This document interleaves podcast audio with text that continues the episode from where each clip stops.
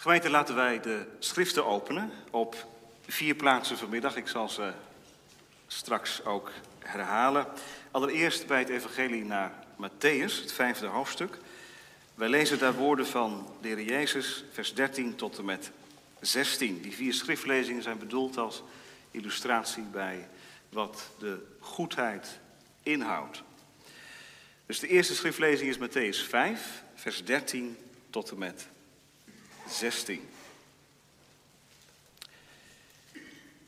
Daar horen wij de woorden van de Heer Jezus. U bent het zout van de aarde. Maar als het zout zijn smaak verloren heeft, waarmee zal het gezouten worden? Het deugt nergens meer voor dan om weggeworpen en door de mensen vertrapt te worden. U bent het licht van de wereld. Een stad die boven op een berg ligt, kan niet verborgen zijn. En ook steekt men geen lamp aan en zet die onder de korenmaat, maar op de standaard. En hij schijnt voor allen die in het huis zijn. Laat uw licht zo schijnen voor de mensen, dat zij uw goede werken zien en uw Vader die in de hemel is, verheerlijken. De tweede schriftlezing vinden wij in Handelingen 9. Handelingen 9, vers 36 tot en met 43. Dan maken wij kennis met een vrouw die Tabitha of Dorcas heet. En zij is een levend voorbeeld van iemand in wie de vrucht van de geest, namelijk goedheid, zichtbaar werd. Handelingen 9 vanaf vers 36 tot en met 43. En er was in Joppe een zekere discipelin, van wie de naam Tabitha was, wat vertaald Dorcas betekent. Deze was overvloedig in goede werken en in liefdegaven die zij schonk. En het gebeurde in die dagen dat ze ziek werd en stierf, en toen men haar gewassen had, legde men haar in de bovenzaal. En omdat Lida vlakbij Joppe lag, stuurden de discipelen, toen zij hoorden dat Petrus daar was, twee mannen naar hem toe, die smeekten dat hij zonder uitstel naar hen toe zou komen. En Petrus stond op en ging met hem mee. En toen hij daar gekomen was, brachten zij hem in de bovenzaal. En alle weduwen stonden bij hem, terwijl zij huilden. En de onder- en bovenkleding toonden die Dorcas gemaakt had toen zij nog bij hen was. Dat zijn die goede werken die ze deed.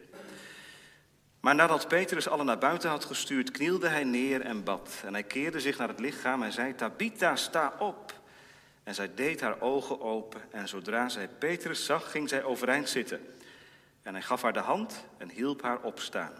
Hij riep de heiligen en de weduwen en plaatste haar levend voor hen.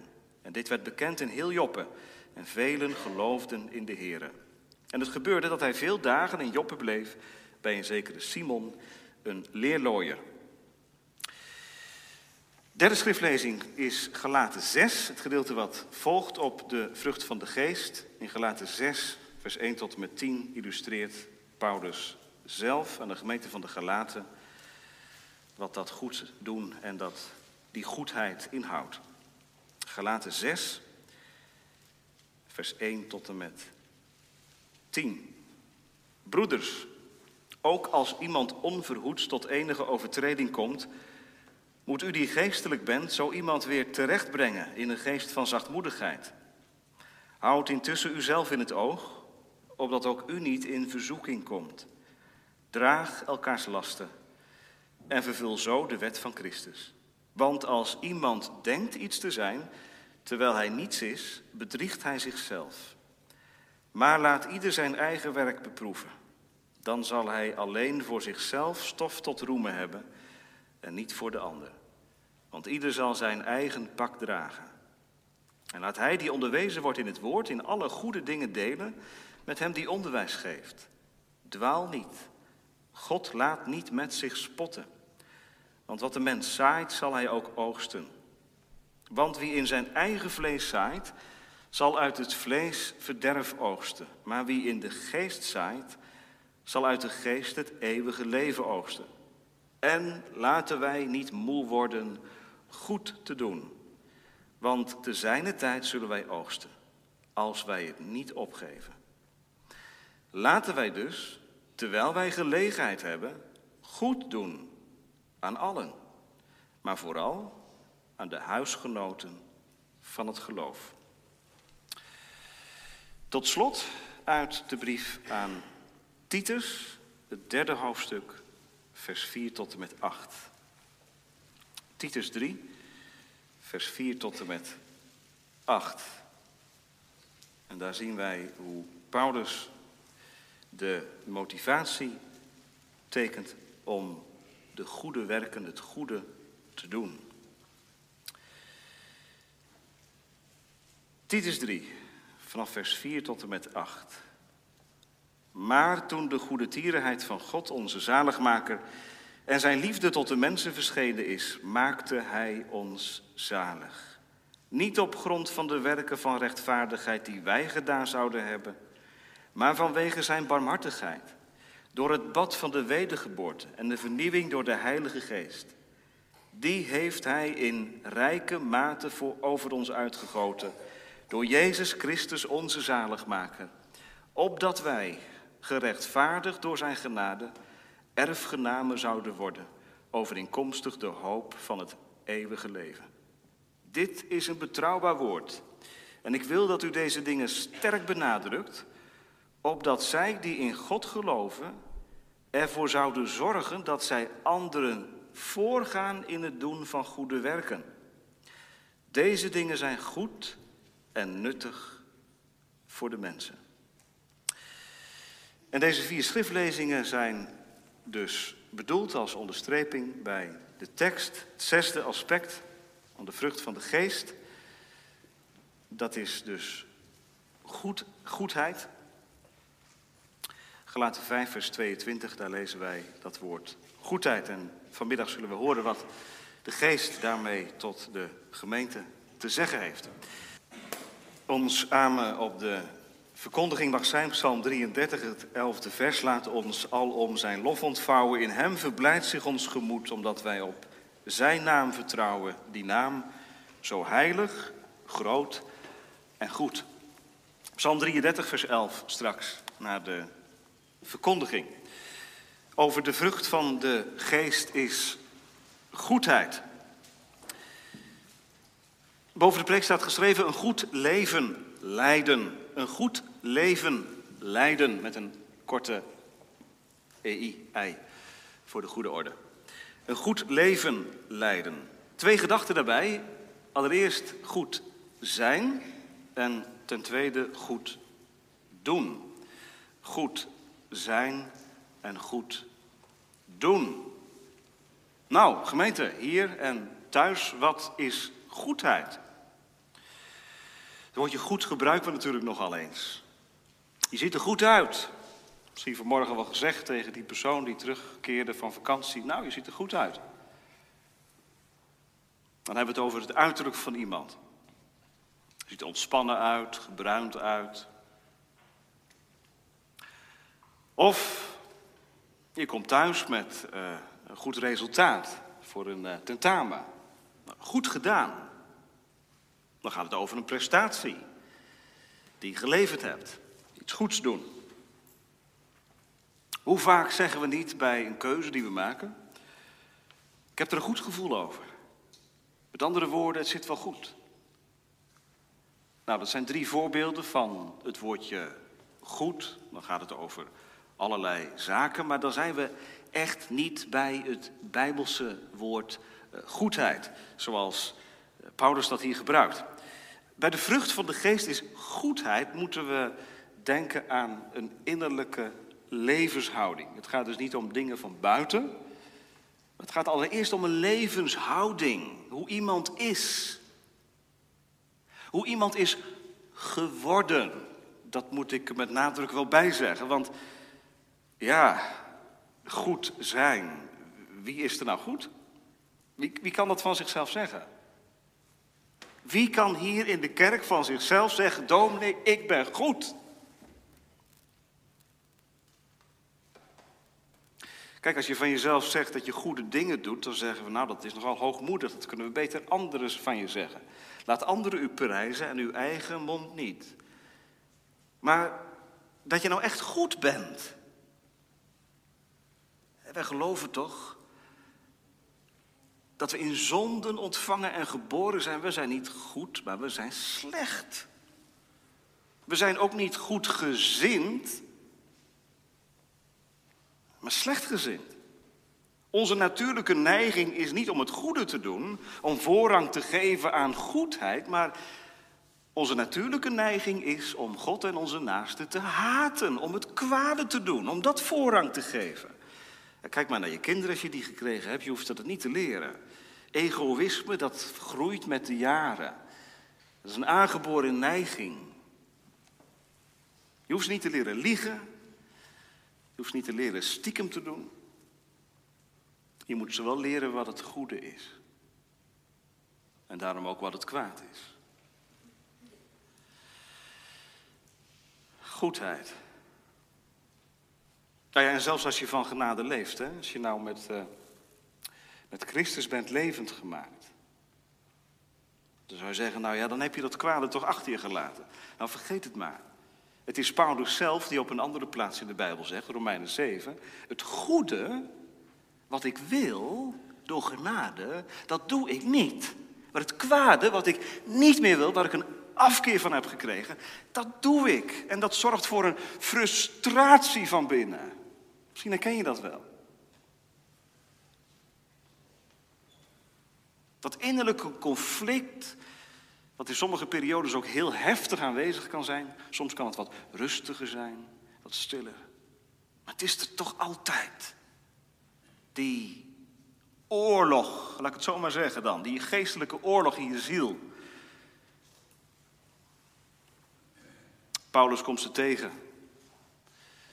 Niet op het marktplein, maar in de gemeente. Want deze brief, dat heb ik al heel wat keren gezegd natuurlijk, is gericht aan een gemeente. Aan een gemeente van Christus beleidende mensen. Nou, dan zou je zeggen, daar, daar vind je toch alleen maar goedheid. Nee, Paulus zegt, ik herhaal het, de vrucht van de geest is echter geduld. Maar daartegenover staat dat kwade. Als u uw Bijbeltje open hebt bij Gelaten 5, dan ziet u daar die werken van het vlees staan. Dat zijn slechte dingen. En Paulus neemt ze waar in de gemeente. Trouwens, zei de Heer Jezus het dan niet, kinderen? Uit het hart van de mens komen voort kwade overleggingen, verkeerde dingen. Dus iedere keer dat jij iets stiekems wilt doen, iets verkeerds wilt doen, ja, dat komt voort van, van binnenuit. Zo is je natuur, je aard. Wat een hopeloze toestand. Kan iemand zijn huidskleur veranderen? Zegt Jeremia. Kan een luipaard, weet je hoe een luipaard eruit ziet? Kan een luipaard zijn vlekken veranderen? Nee toch? Dat is nou de situatie van ons mensen, zegt Jeremia. Zo hopeloos is het met ons gesteld.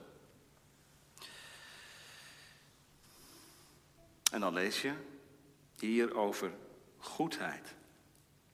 Gemeente, kunnen we de conclusie van vanmiddag trekken? Die had u al getrokken, denk ik. Hè? Maar kunnen we hem trekken met z'n allen vanmiddag? Wie is er goed dan God? En dat is dan wel een hele belangrijke constatering. Het scheelt maar één letter. God en goed. Maar dat is het dan ook. God is goed. Van ons kun je heel wat kwaad zeggen, maar van God niet. God is goed. Eigenlijk, zei iemand eens een keer, zou je moeten zeggen, God is best. En dat zingen we eigenlijk toch ook, hè, met Psalm 25. Wie heeft lust de Heere te vrezen? Het allerhoogst. En eeuwig goed. Bovenste best. Beter kan niet. 100% zuiver, pure goedheid. Hij is goed. Daarom zongen we Psalm 136 en het gaat maar door, dat de refrein komt steeds maar weer terug. Zijn goedheid duurt in eeuwigheid. Er komt geen einde aan. Overstelpend goed is Hij. Wat zeggen we dan eigenlijk als God goed is? Want daar moeten we wel naartoe als we eh, dit woord willen uitleggen. De vrucht van de geest is goedheid. De vrucht van ons hart niet, maar de vrucht van de geest wel. Dus dat betekent de geest van God zorgt voor goedheid in levens van slechte mensen. Wat is dan die goedheid van God? Wij denken dan vaak alleen aan de dingen die God geeft, aan de gaven die Hij geeft, de goede gaven. In de schepping bijvoorbeeld. Je wandelt door de bergen en je zegt tegen elkaar, terwijl je de bergen ziet, wat is God goed hè? Wat is God machtig? Of je wandelt hier in, in, in Apeldoorn door het bos heen en je ziet daar bloemen of, of je ziet vogels vliegen. En je denkt bij jezelf, wat is God goed? Je ontvangt een kindje uit de hand van de Heer. Je hebt nagedacht over het kaartje. Wat zet je op het kaartje? God is goed. Met dankbaarheid aan Gods goedheid geven wij u kennis van. Je komt in het ziekenhuis. Een zware operatie. Het gaat goed. Je komt weer thuis. Er komen mensen op bezoek. Een ouderling, gemeenteleden. wat zeg je tegen die mensen? God is goed. Ik ben er doorheen gekomen. Hij heeft mij er doorheen gedragen. Nou, dat is helemaal waar. God laat zijn zon opgaan, zegt Jezus, over boze en goede mensen. Hij geeft in zijn algemene genade, in zijn algemene goedheid aan zijn schepping zoveel goed. Goedheid voor iedereen, voor God logenaars en voor God vrezenden, voor atheïsten en voor theïsten. Zonder onderscheid. Wat een goedheid. En daarom kun je zelfs ook goedheid tegenkomen in levens van mensen die niets met God willen hebben. Muziek, kunst, literatuur.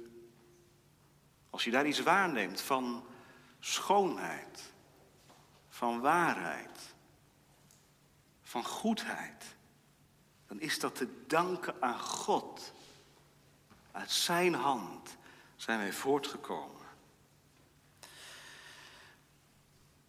Maar toch zijn we dan nog niet bij de kern. Waar moeten we nou aan denken bij het woord goedheid? Dan moeten wij allereerst denken aan wie God zelf is. Dus niet zijn gave, maar wie hij is, wie hij in wezen is. Hij is goed, dat is een, een vooronderstelling. Met een moeilijk woord, een, een axioma. In de wiskunde heb je axioma's, hè? dat zijn um, vooronderstellingen die je eigenlijk niet verder hoeft, hoeft uit te leggen. Die zijn algemeen aanvaard. Nou, in de Bijbel hebben we geen axioma's, maar wel geloofsbelijdenissen. En dit, jonge mensen, is zo'n geloofsbeleidenis. Laat hem je niet afnemen. God is goed. Ja, maar dominee, wat heeft dat te maken met de tekst? Want het gaat hier over de vrucht van de geest in levens van kinderen van God. En nu hebt u het steeds over God. Nou, dat heeft alles te maken met de tekst. Want als de vrucht van de geest goedheid is, dan betekent dat dat het goede in God blijkbaar op een of andere manier in levens van zondaren tot uitdrukking kan komen. Paulus zegt dat het kan. Een goede boom kan goede vruchten voort gaan brengen, een slechte boom niet. Maar als de boom nou goed wordt, goed is, dan wel. Dat is hoopgevend. Achter dit woordje goedheid zit de goedheid van God, zit de genade van God. Als die mijn leven binnenkomt, dan verandert er wat. Is dat gebeurd? Is de genade van God in je leven binnengekomen? Ja, wat is dat dan? De genade van God, je leven binnenkomen? Nou, dat zegt Paulus ook. Dat, heeft hij geschreven in, in een van de vorige hoofdstukken, Galaten 2. Ik zal het u voorlezen, vers, vers, vers 15 en 16. Dan zegt hij, wij die van nature Joden zijn en geen zondaars uit de heidenen, wij weten dat een mens niet gerechtvaardigd wordt uit de goede werken, uit de werken van de wet, uit de goedheid van onszelf, maar alleen door het geloof in Jezus Christus. En, zegt hij dan, ook wij zijn in Christus Jezus gaan geloven. We zijn gaan geloven in Hem, opdat wij gerechtvaardigd zouden worden uit het geloof van Christus en niet uit de werken van de wet. Immers, uit de werken van de wet wordt geen vlees gerechtvaardigd. Daar staat het.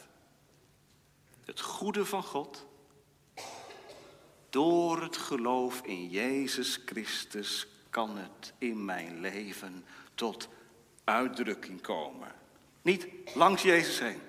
Ik heb het vanmorgen ook gezegd, ik herhaal het weer. De vrucht van de geest kan nooit zonder een levend geloof in Jezus Christus, in een leven van een zondaar, tot uitdrukking komen. Dan, zijn het allemaal, dan is het allemaal eigen werk.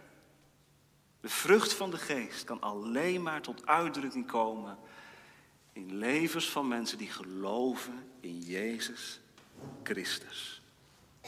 Die met Hem aan het kruis zijn genageld en met Hem zijn opgestaan in een nieuw leven een nieuw mens geworden. Dat is de wedergeboorte.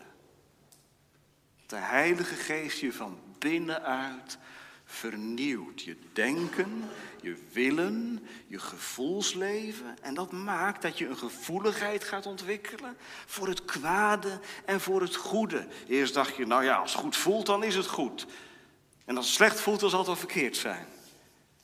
Ja, maar nu wordt een ander kompas je kompas. Dat is het kompas niet van je gevoel, maar het kompas van Heere God, wat wilt u dat ik doen zal? Nou is zo de genade van God in je leven gekomen. De goedheid van God.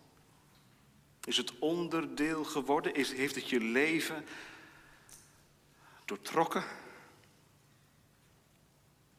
Weet je waar je dat leert? Dat leer je vooral daar waar je ontdekt hoeveel slechtheid er in je is. Juist daar.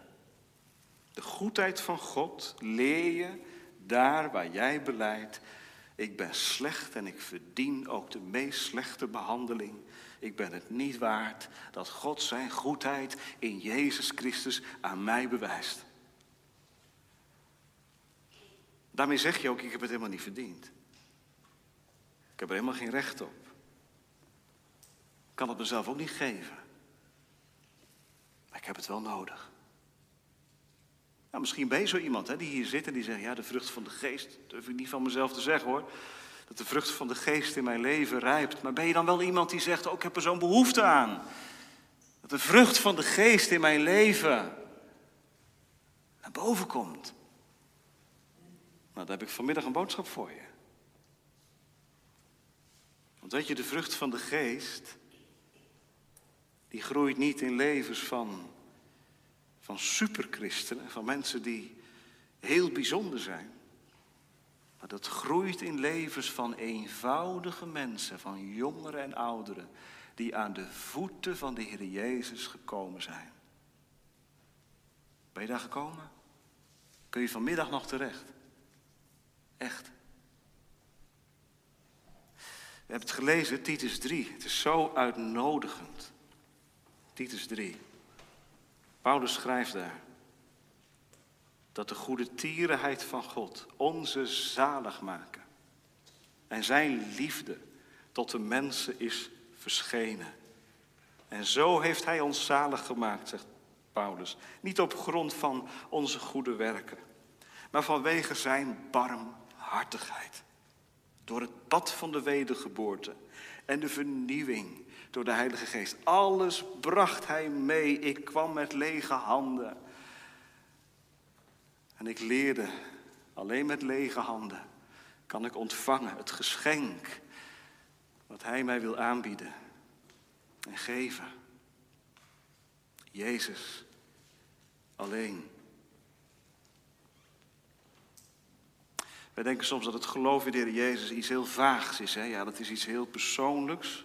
maar het is ook een beetje abstract. Geloof in de Heer Jezus, dat is iets wat plaatsvindt achter de voordeur, daar praat je ook niet over. Weet je wat Paulus zegt? In Titus 3. Gods goedheid is verschenen in Jezus Christus. Hij heeft ons zalig gemaakt. En weet je, in ons leven komt iets op gang. Dit is een betrouwbaar woord en ik wil dat u deze dingen sterk benadrukt, Titus. Wat dan? Als mensen zeggen dat ze in God geloven, laten ze er dan voor zorgen dat ze anderen voorgaan in het doen van goede werken. Het geloof kan niet zonder de werken. Anders is het een doodgeloof. Een levend geloof brengt vruchten voort. Zo werkt de Heilige Geest van binnen naar buiten. En nu is één van die vruchten. Goedheid. Dat groeit aan jouw levensboom als je van Christus bent. En daarom kan Jezus zeggen, we hebben het gelezen in Matthäus 5, mijn discipelen, wees dan volmaakt zoals mijn Vader in de hemel. U zegt misschien, ja dat kan toch niet, je kunt toch niet zo volmaakt zijn als de Vader in de hemel. Wij zijn zondaren en we blijven dat ook. Maar de Heer Jezus zegt dat goede van de geest, dat goede van God in levens van zondaren is krachtiger en machtiger dan het kwade van de mensen. Nou, dat is ook hoopgevend hè, voor mensen die sterk onder vuur liggen vanmiddag. De duivel die zegt, moet eens kijken wat voor dingen je nog uithaalt, man. Vrucht van de geest, goedheid, bedrieg je jezelf niet. Kijk het eens na.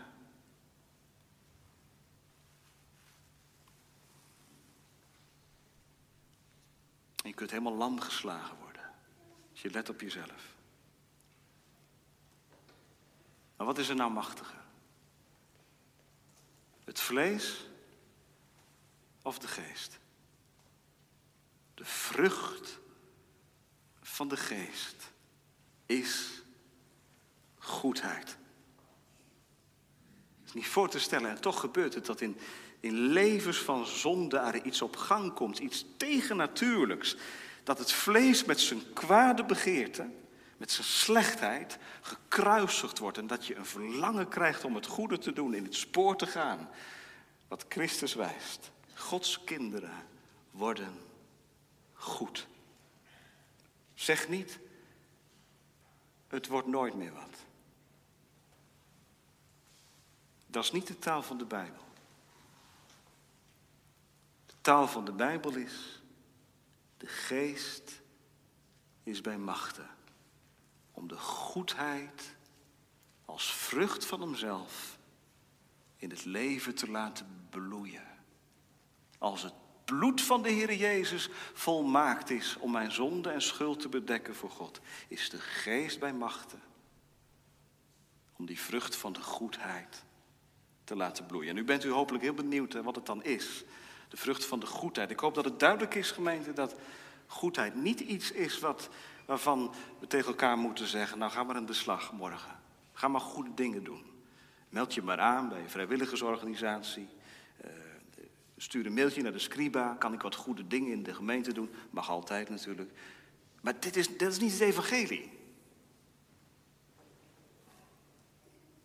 Het evangelie is God heeft het goede in zijn zoon geschonken en in hem is het ook te vinden. En door het geloof in hem word ik rechtvaardig voor God gerekend. En door de Heilige Geest gaat dat goede in mij bloeien. Dat is niet het goede van mij, maar het goede van God. Wij worden zijn goddelijke natuur deelachtig. Lees maar na, 2 Petrus 1. Dus daarom kan ik Christus ook nooit zeggen, nou moet je eens kijken of goede dingen ik doe. Ik leef zo heilig, ik leef zo. Nee, dat is echt alleen maar dankzij Hem. En nu dan, wat is dan dat goede? Nou, concreet voorbeeld, we hebben het samen gelezen, is Handelingen 9. prachtige vrouw, Tabitha, of Dorcas. Dat is de vertaling van Tabitha. Wij zouden dat niet zo zeggen van uh, gemeentelid A of gemeentelid B. Nou, die man is overvloedig in goede werken. Dat vinden wij een beetje rooms. Maar de Heilige Geest, die schrijft in Handelingen 9, vers 36, eh, dat Dorcas overvloedig was in goede werken. En in liefdegaven. Dat kan dus blijkbaar. En als u het open hebt liggen, dan kijkt u maar even mee. Wat is nou haar geheim? Is het iemand die het vuur uit de slof verloopt, die, die graag aandacht naar zich toe trekt? Kijk eens wat voor goede dingen ik allemaal doe. Nee, ze is een discipelin, staat er. Ze is een volgeling. Ze is een liefhebber van de Heer Jezus. Ze heeft hem lief gekregen. Hoe? Staat er niet bij. Is blijkbaar ook niet eens het belangrijkste hoe het gegaan is. Aan de vruchten kent men de boom, zegt de Heer Jezus. Zo is het in jouw leven ook. Hoe weet je nou of genade in je leven wat heeft gekregen? Nou, dat weet je aan de vruchten. Anderen zien, zien dat scherper dan, dan jezelf vaak. Tabitha, dit is een getuigenis. Ze was overvloedig in goede werken. Wat deed ze dan? Nou, dat is mooi, handelingen, 5, eh, handelingen 9, vers 39, daar staat het. Ze maakte veel kleding. Blijkbaar was ze heel bedreven in haak of borduur of zo. Onder- en bovenkleding maakte ze. Wij weten dat er in, in Joppe heel veel weduwen woonden. En weduwen die waren niet bemiddeld. Er was veel armoede. En wat deed deze vrouw? Deze vrouw ging, nou ik zeg het maar even zo, ging haken. En borduren. En dat deelde ze uit. Denk even aan Richard Wurmbrand vanmorgen. Zijn kleed stond hij af. Deze vrouw weefde kleding, onder- en bovenkleding. En gaf het royaal aan de weduwe. Ja, wat stelt dat nou voor? Nou, alles wat gedaan is uit liefde tot Jezus, dat heeft waarde. En dat zal blijven, dus blijven bestaan, al, al ziet niemand het, hè, wat jij doet. Maar als het gedaan wordt uit liefde tot Heer Jezus, en dat is toch het belangrijkste. Anderen hoeven het toch niet te zien en te weten. Maar dat zal blijven bestaan. Kijk maar, hier staat het. 2000 jaar later lezen wij het. Dorcas. Ze was een goede vrouw. Een goed mens. Echt een goed mens. Maar niet in de zin zoals wij het vaak gebruiken. Ach, wat een goed mens. Nee, dit is genade. Zij heeft Christus niet uitverkoren, maar Christus heeft haar uitverkoren. En hij heeft haar gesteld dat ze zou heen gaan en vrucht dragen. En dat haar vrucht zou blijven. Dat is Dorcas bewogen vrouw met de ogen van Christus, met het hart van Christus. Ze zag wat er nodig was. Kijk, dat gebeurt, dat is genade, zo concreet is het. Genade maakt dat je zelf gaat kruisigen en dat de ander belangrijker wordt dan jezelf. De boodschap vanmiddag is niet ga maar haken of ga maar borduren. De boodschap vanmiddag is als de Heer Jezus je lief is. Waar kan Hij je voor gebruiken? Wij wonen niet in Dorcas. U woont in Apeldoorn of ergens anders.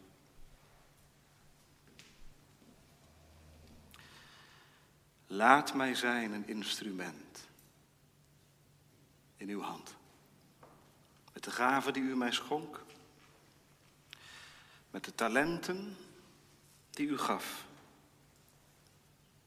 Want een christen lijkt op Christus. Zo zei Luther het. Iedere christen wordt een kleine Christus. Iemand met oog en hart voor het verlorene, voor het gebrokene, voor het verachte, voor het onedele. Ja, nog een keer stelt hij veel voor misschien, hè? want wat, wat heeft zij nou... Ze heeft geen geschiedenisboeken gehaald. Ze heeft geen furoren gemaakt, geen prestaties geleverd, deze Dorcas. En toch, jonge mensen, al heb je ik weet niet wat bereikt,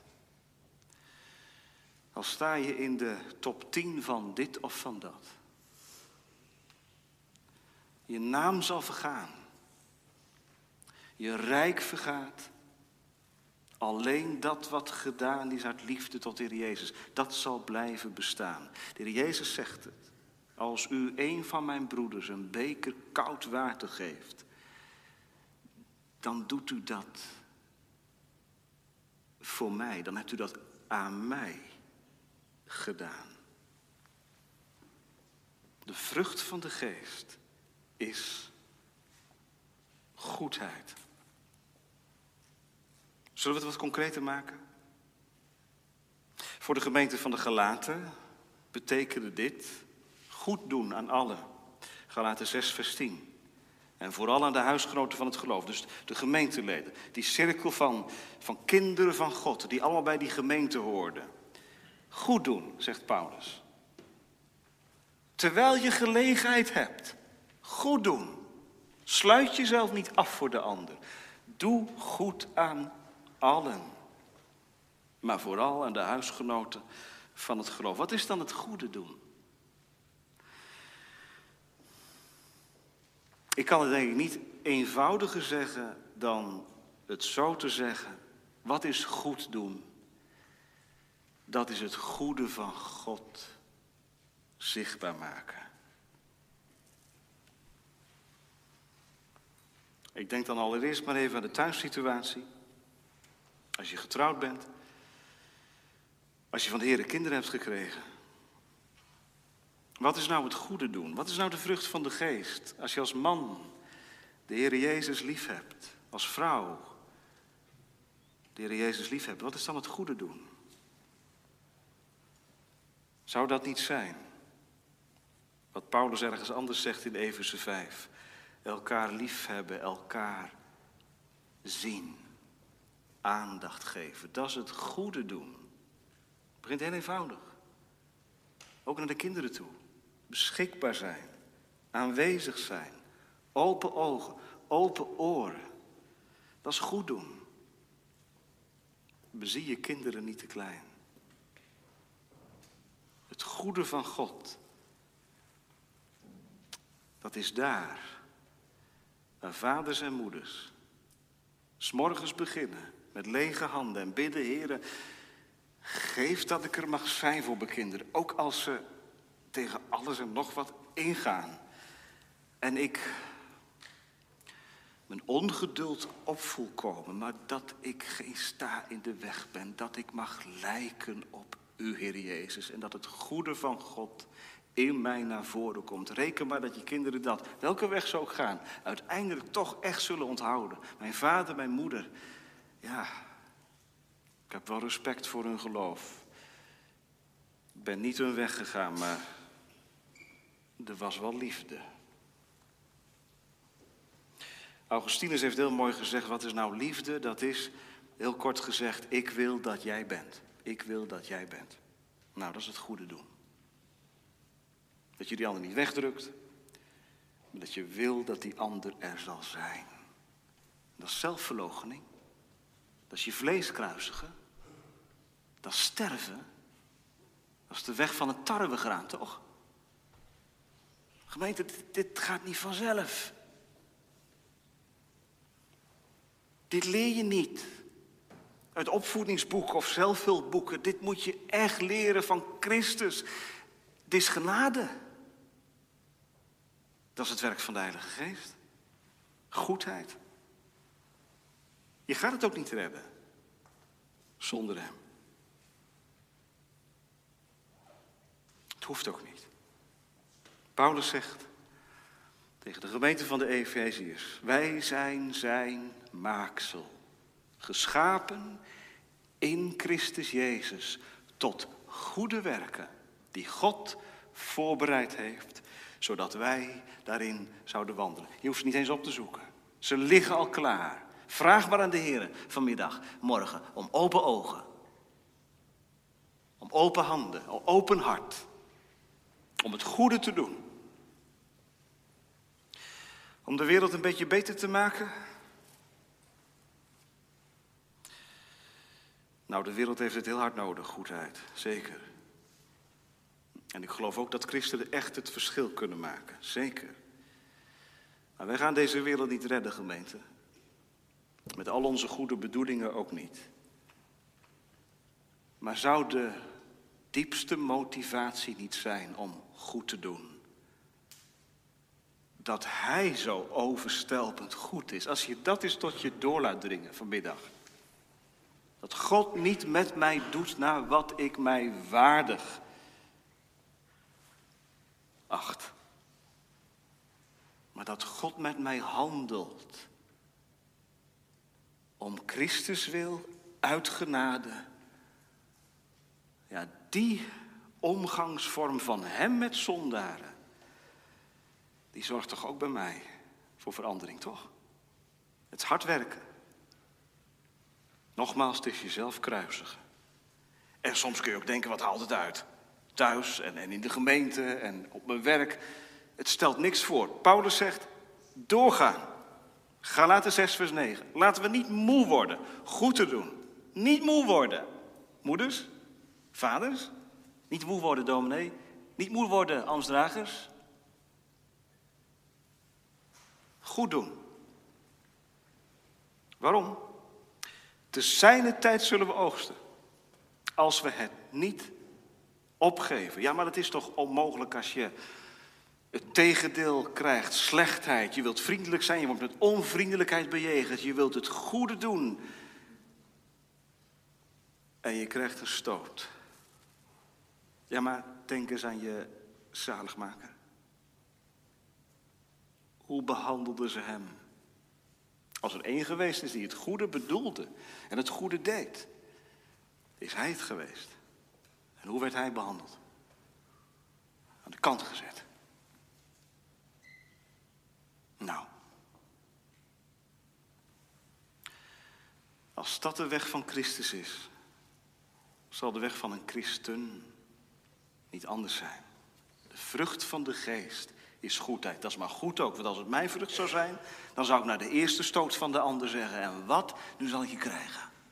Maar de vrucht van de geest is goedheid. Goed doen. Het levert misschien in dit leven niet veel op. Maar wel zegen voor de eeuwigheid. Want straks zal het klinken aan ieder die Christus volgde. In een weg van sterven.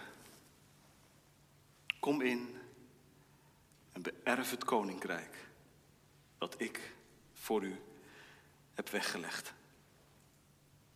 Niet omdat u zo'n goede man was of goede vrouw, maar omdat in mijn leven iets van het goede van God naar voren kwam. Wat Hij in mij deed en door mij heen. Zo mogen de weken in gemeente. Gebruik mij als een gebroken vat, als een leeg vat. Vul het met uw genade en stel mij tot de zegen. En misschien moet ik die programma's dan maar even aan de kant leggen. De programma's die ik in mijn hoofd heb. Ik moet dit en ik moet dat. Zeg het maar tegen de heren. Heren, waar liggen deze week de mogelijkheden? Wijst u ze aan. Hoef je niet te wachten op een briefje uit de hemel, want je roeping weet je. Als je getrouwd bent, heb je een roeping. Als je vader bent, heb je een roeping. Als je moeder bent, heb je een roeping. Als je ambtsdrager bent, heb je een roeping. Als je student bent, heb je een roeping. Wie heeft er geen roeping?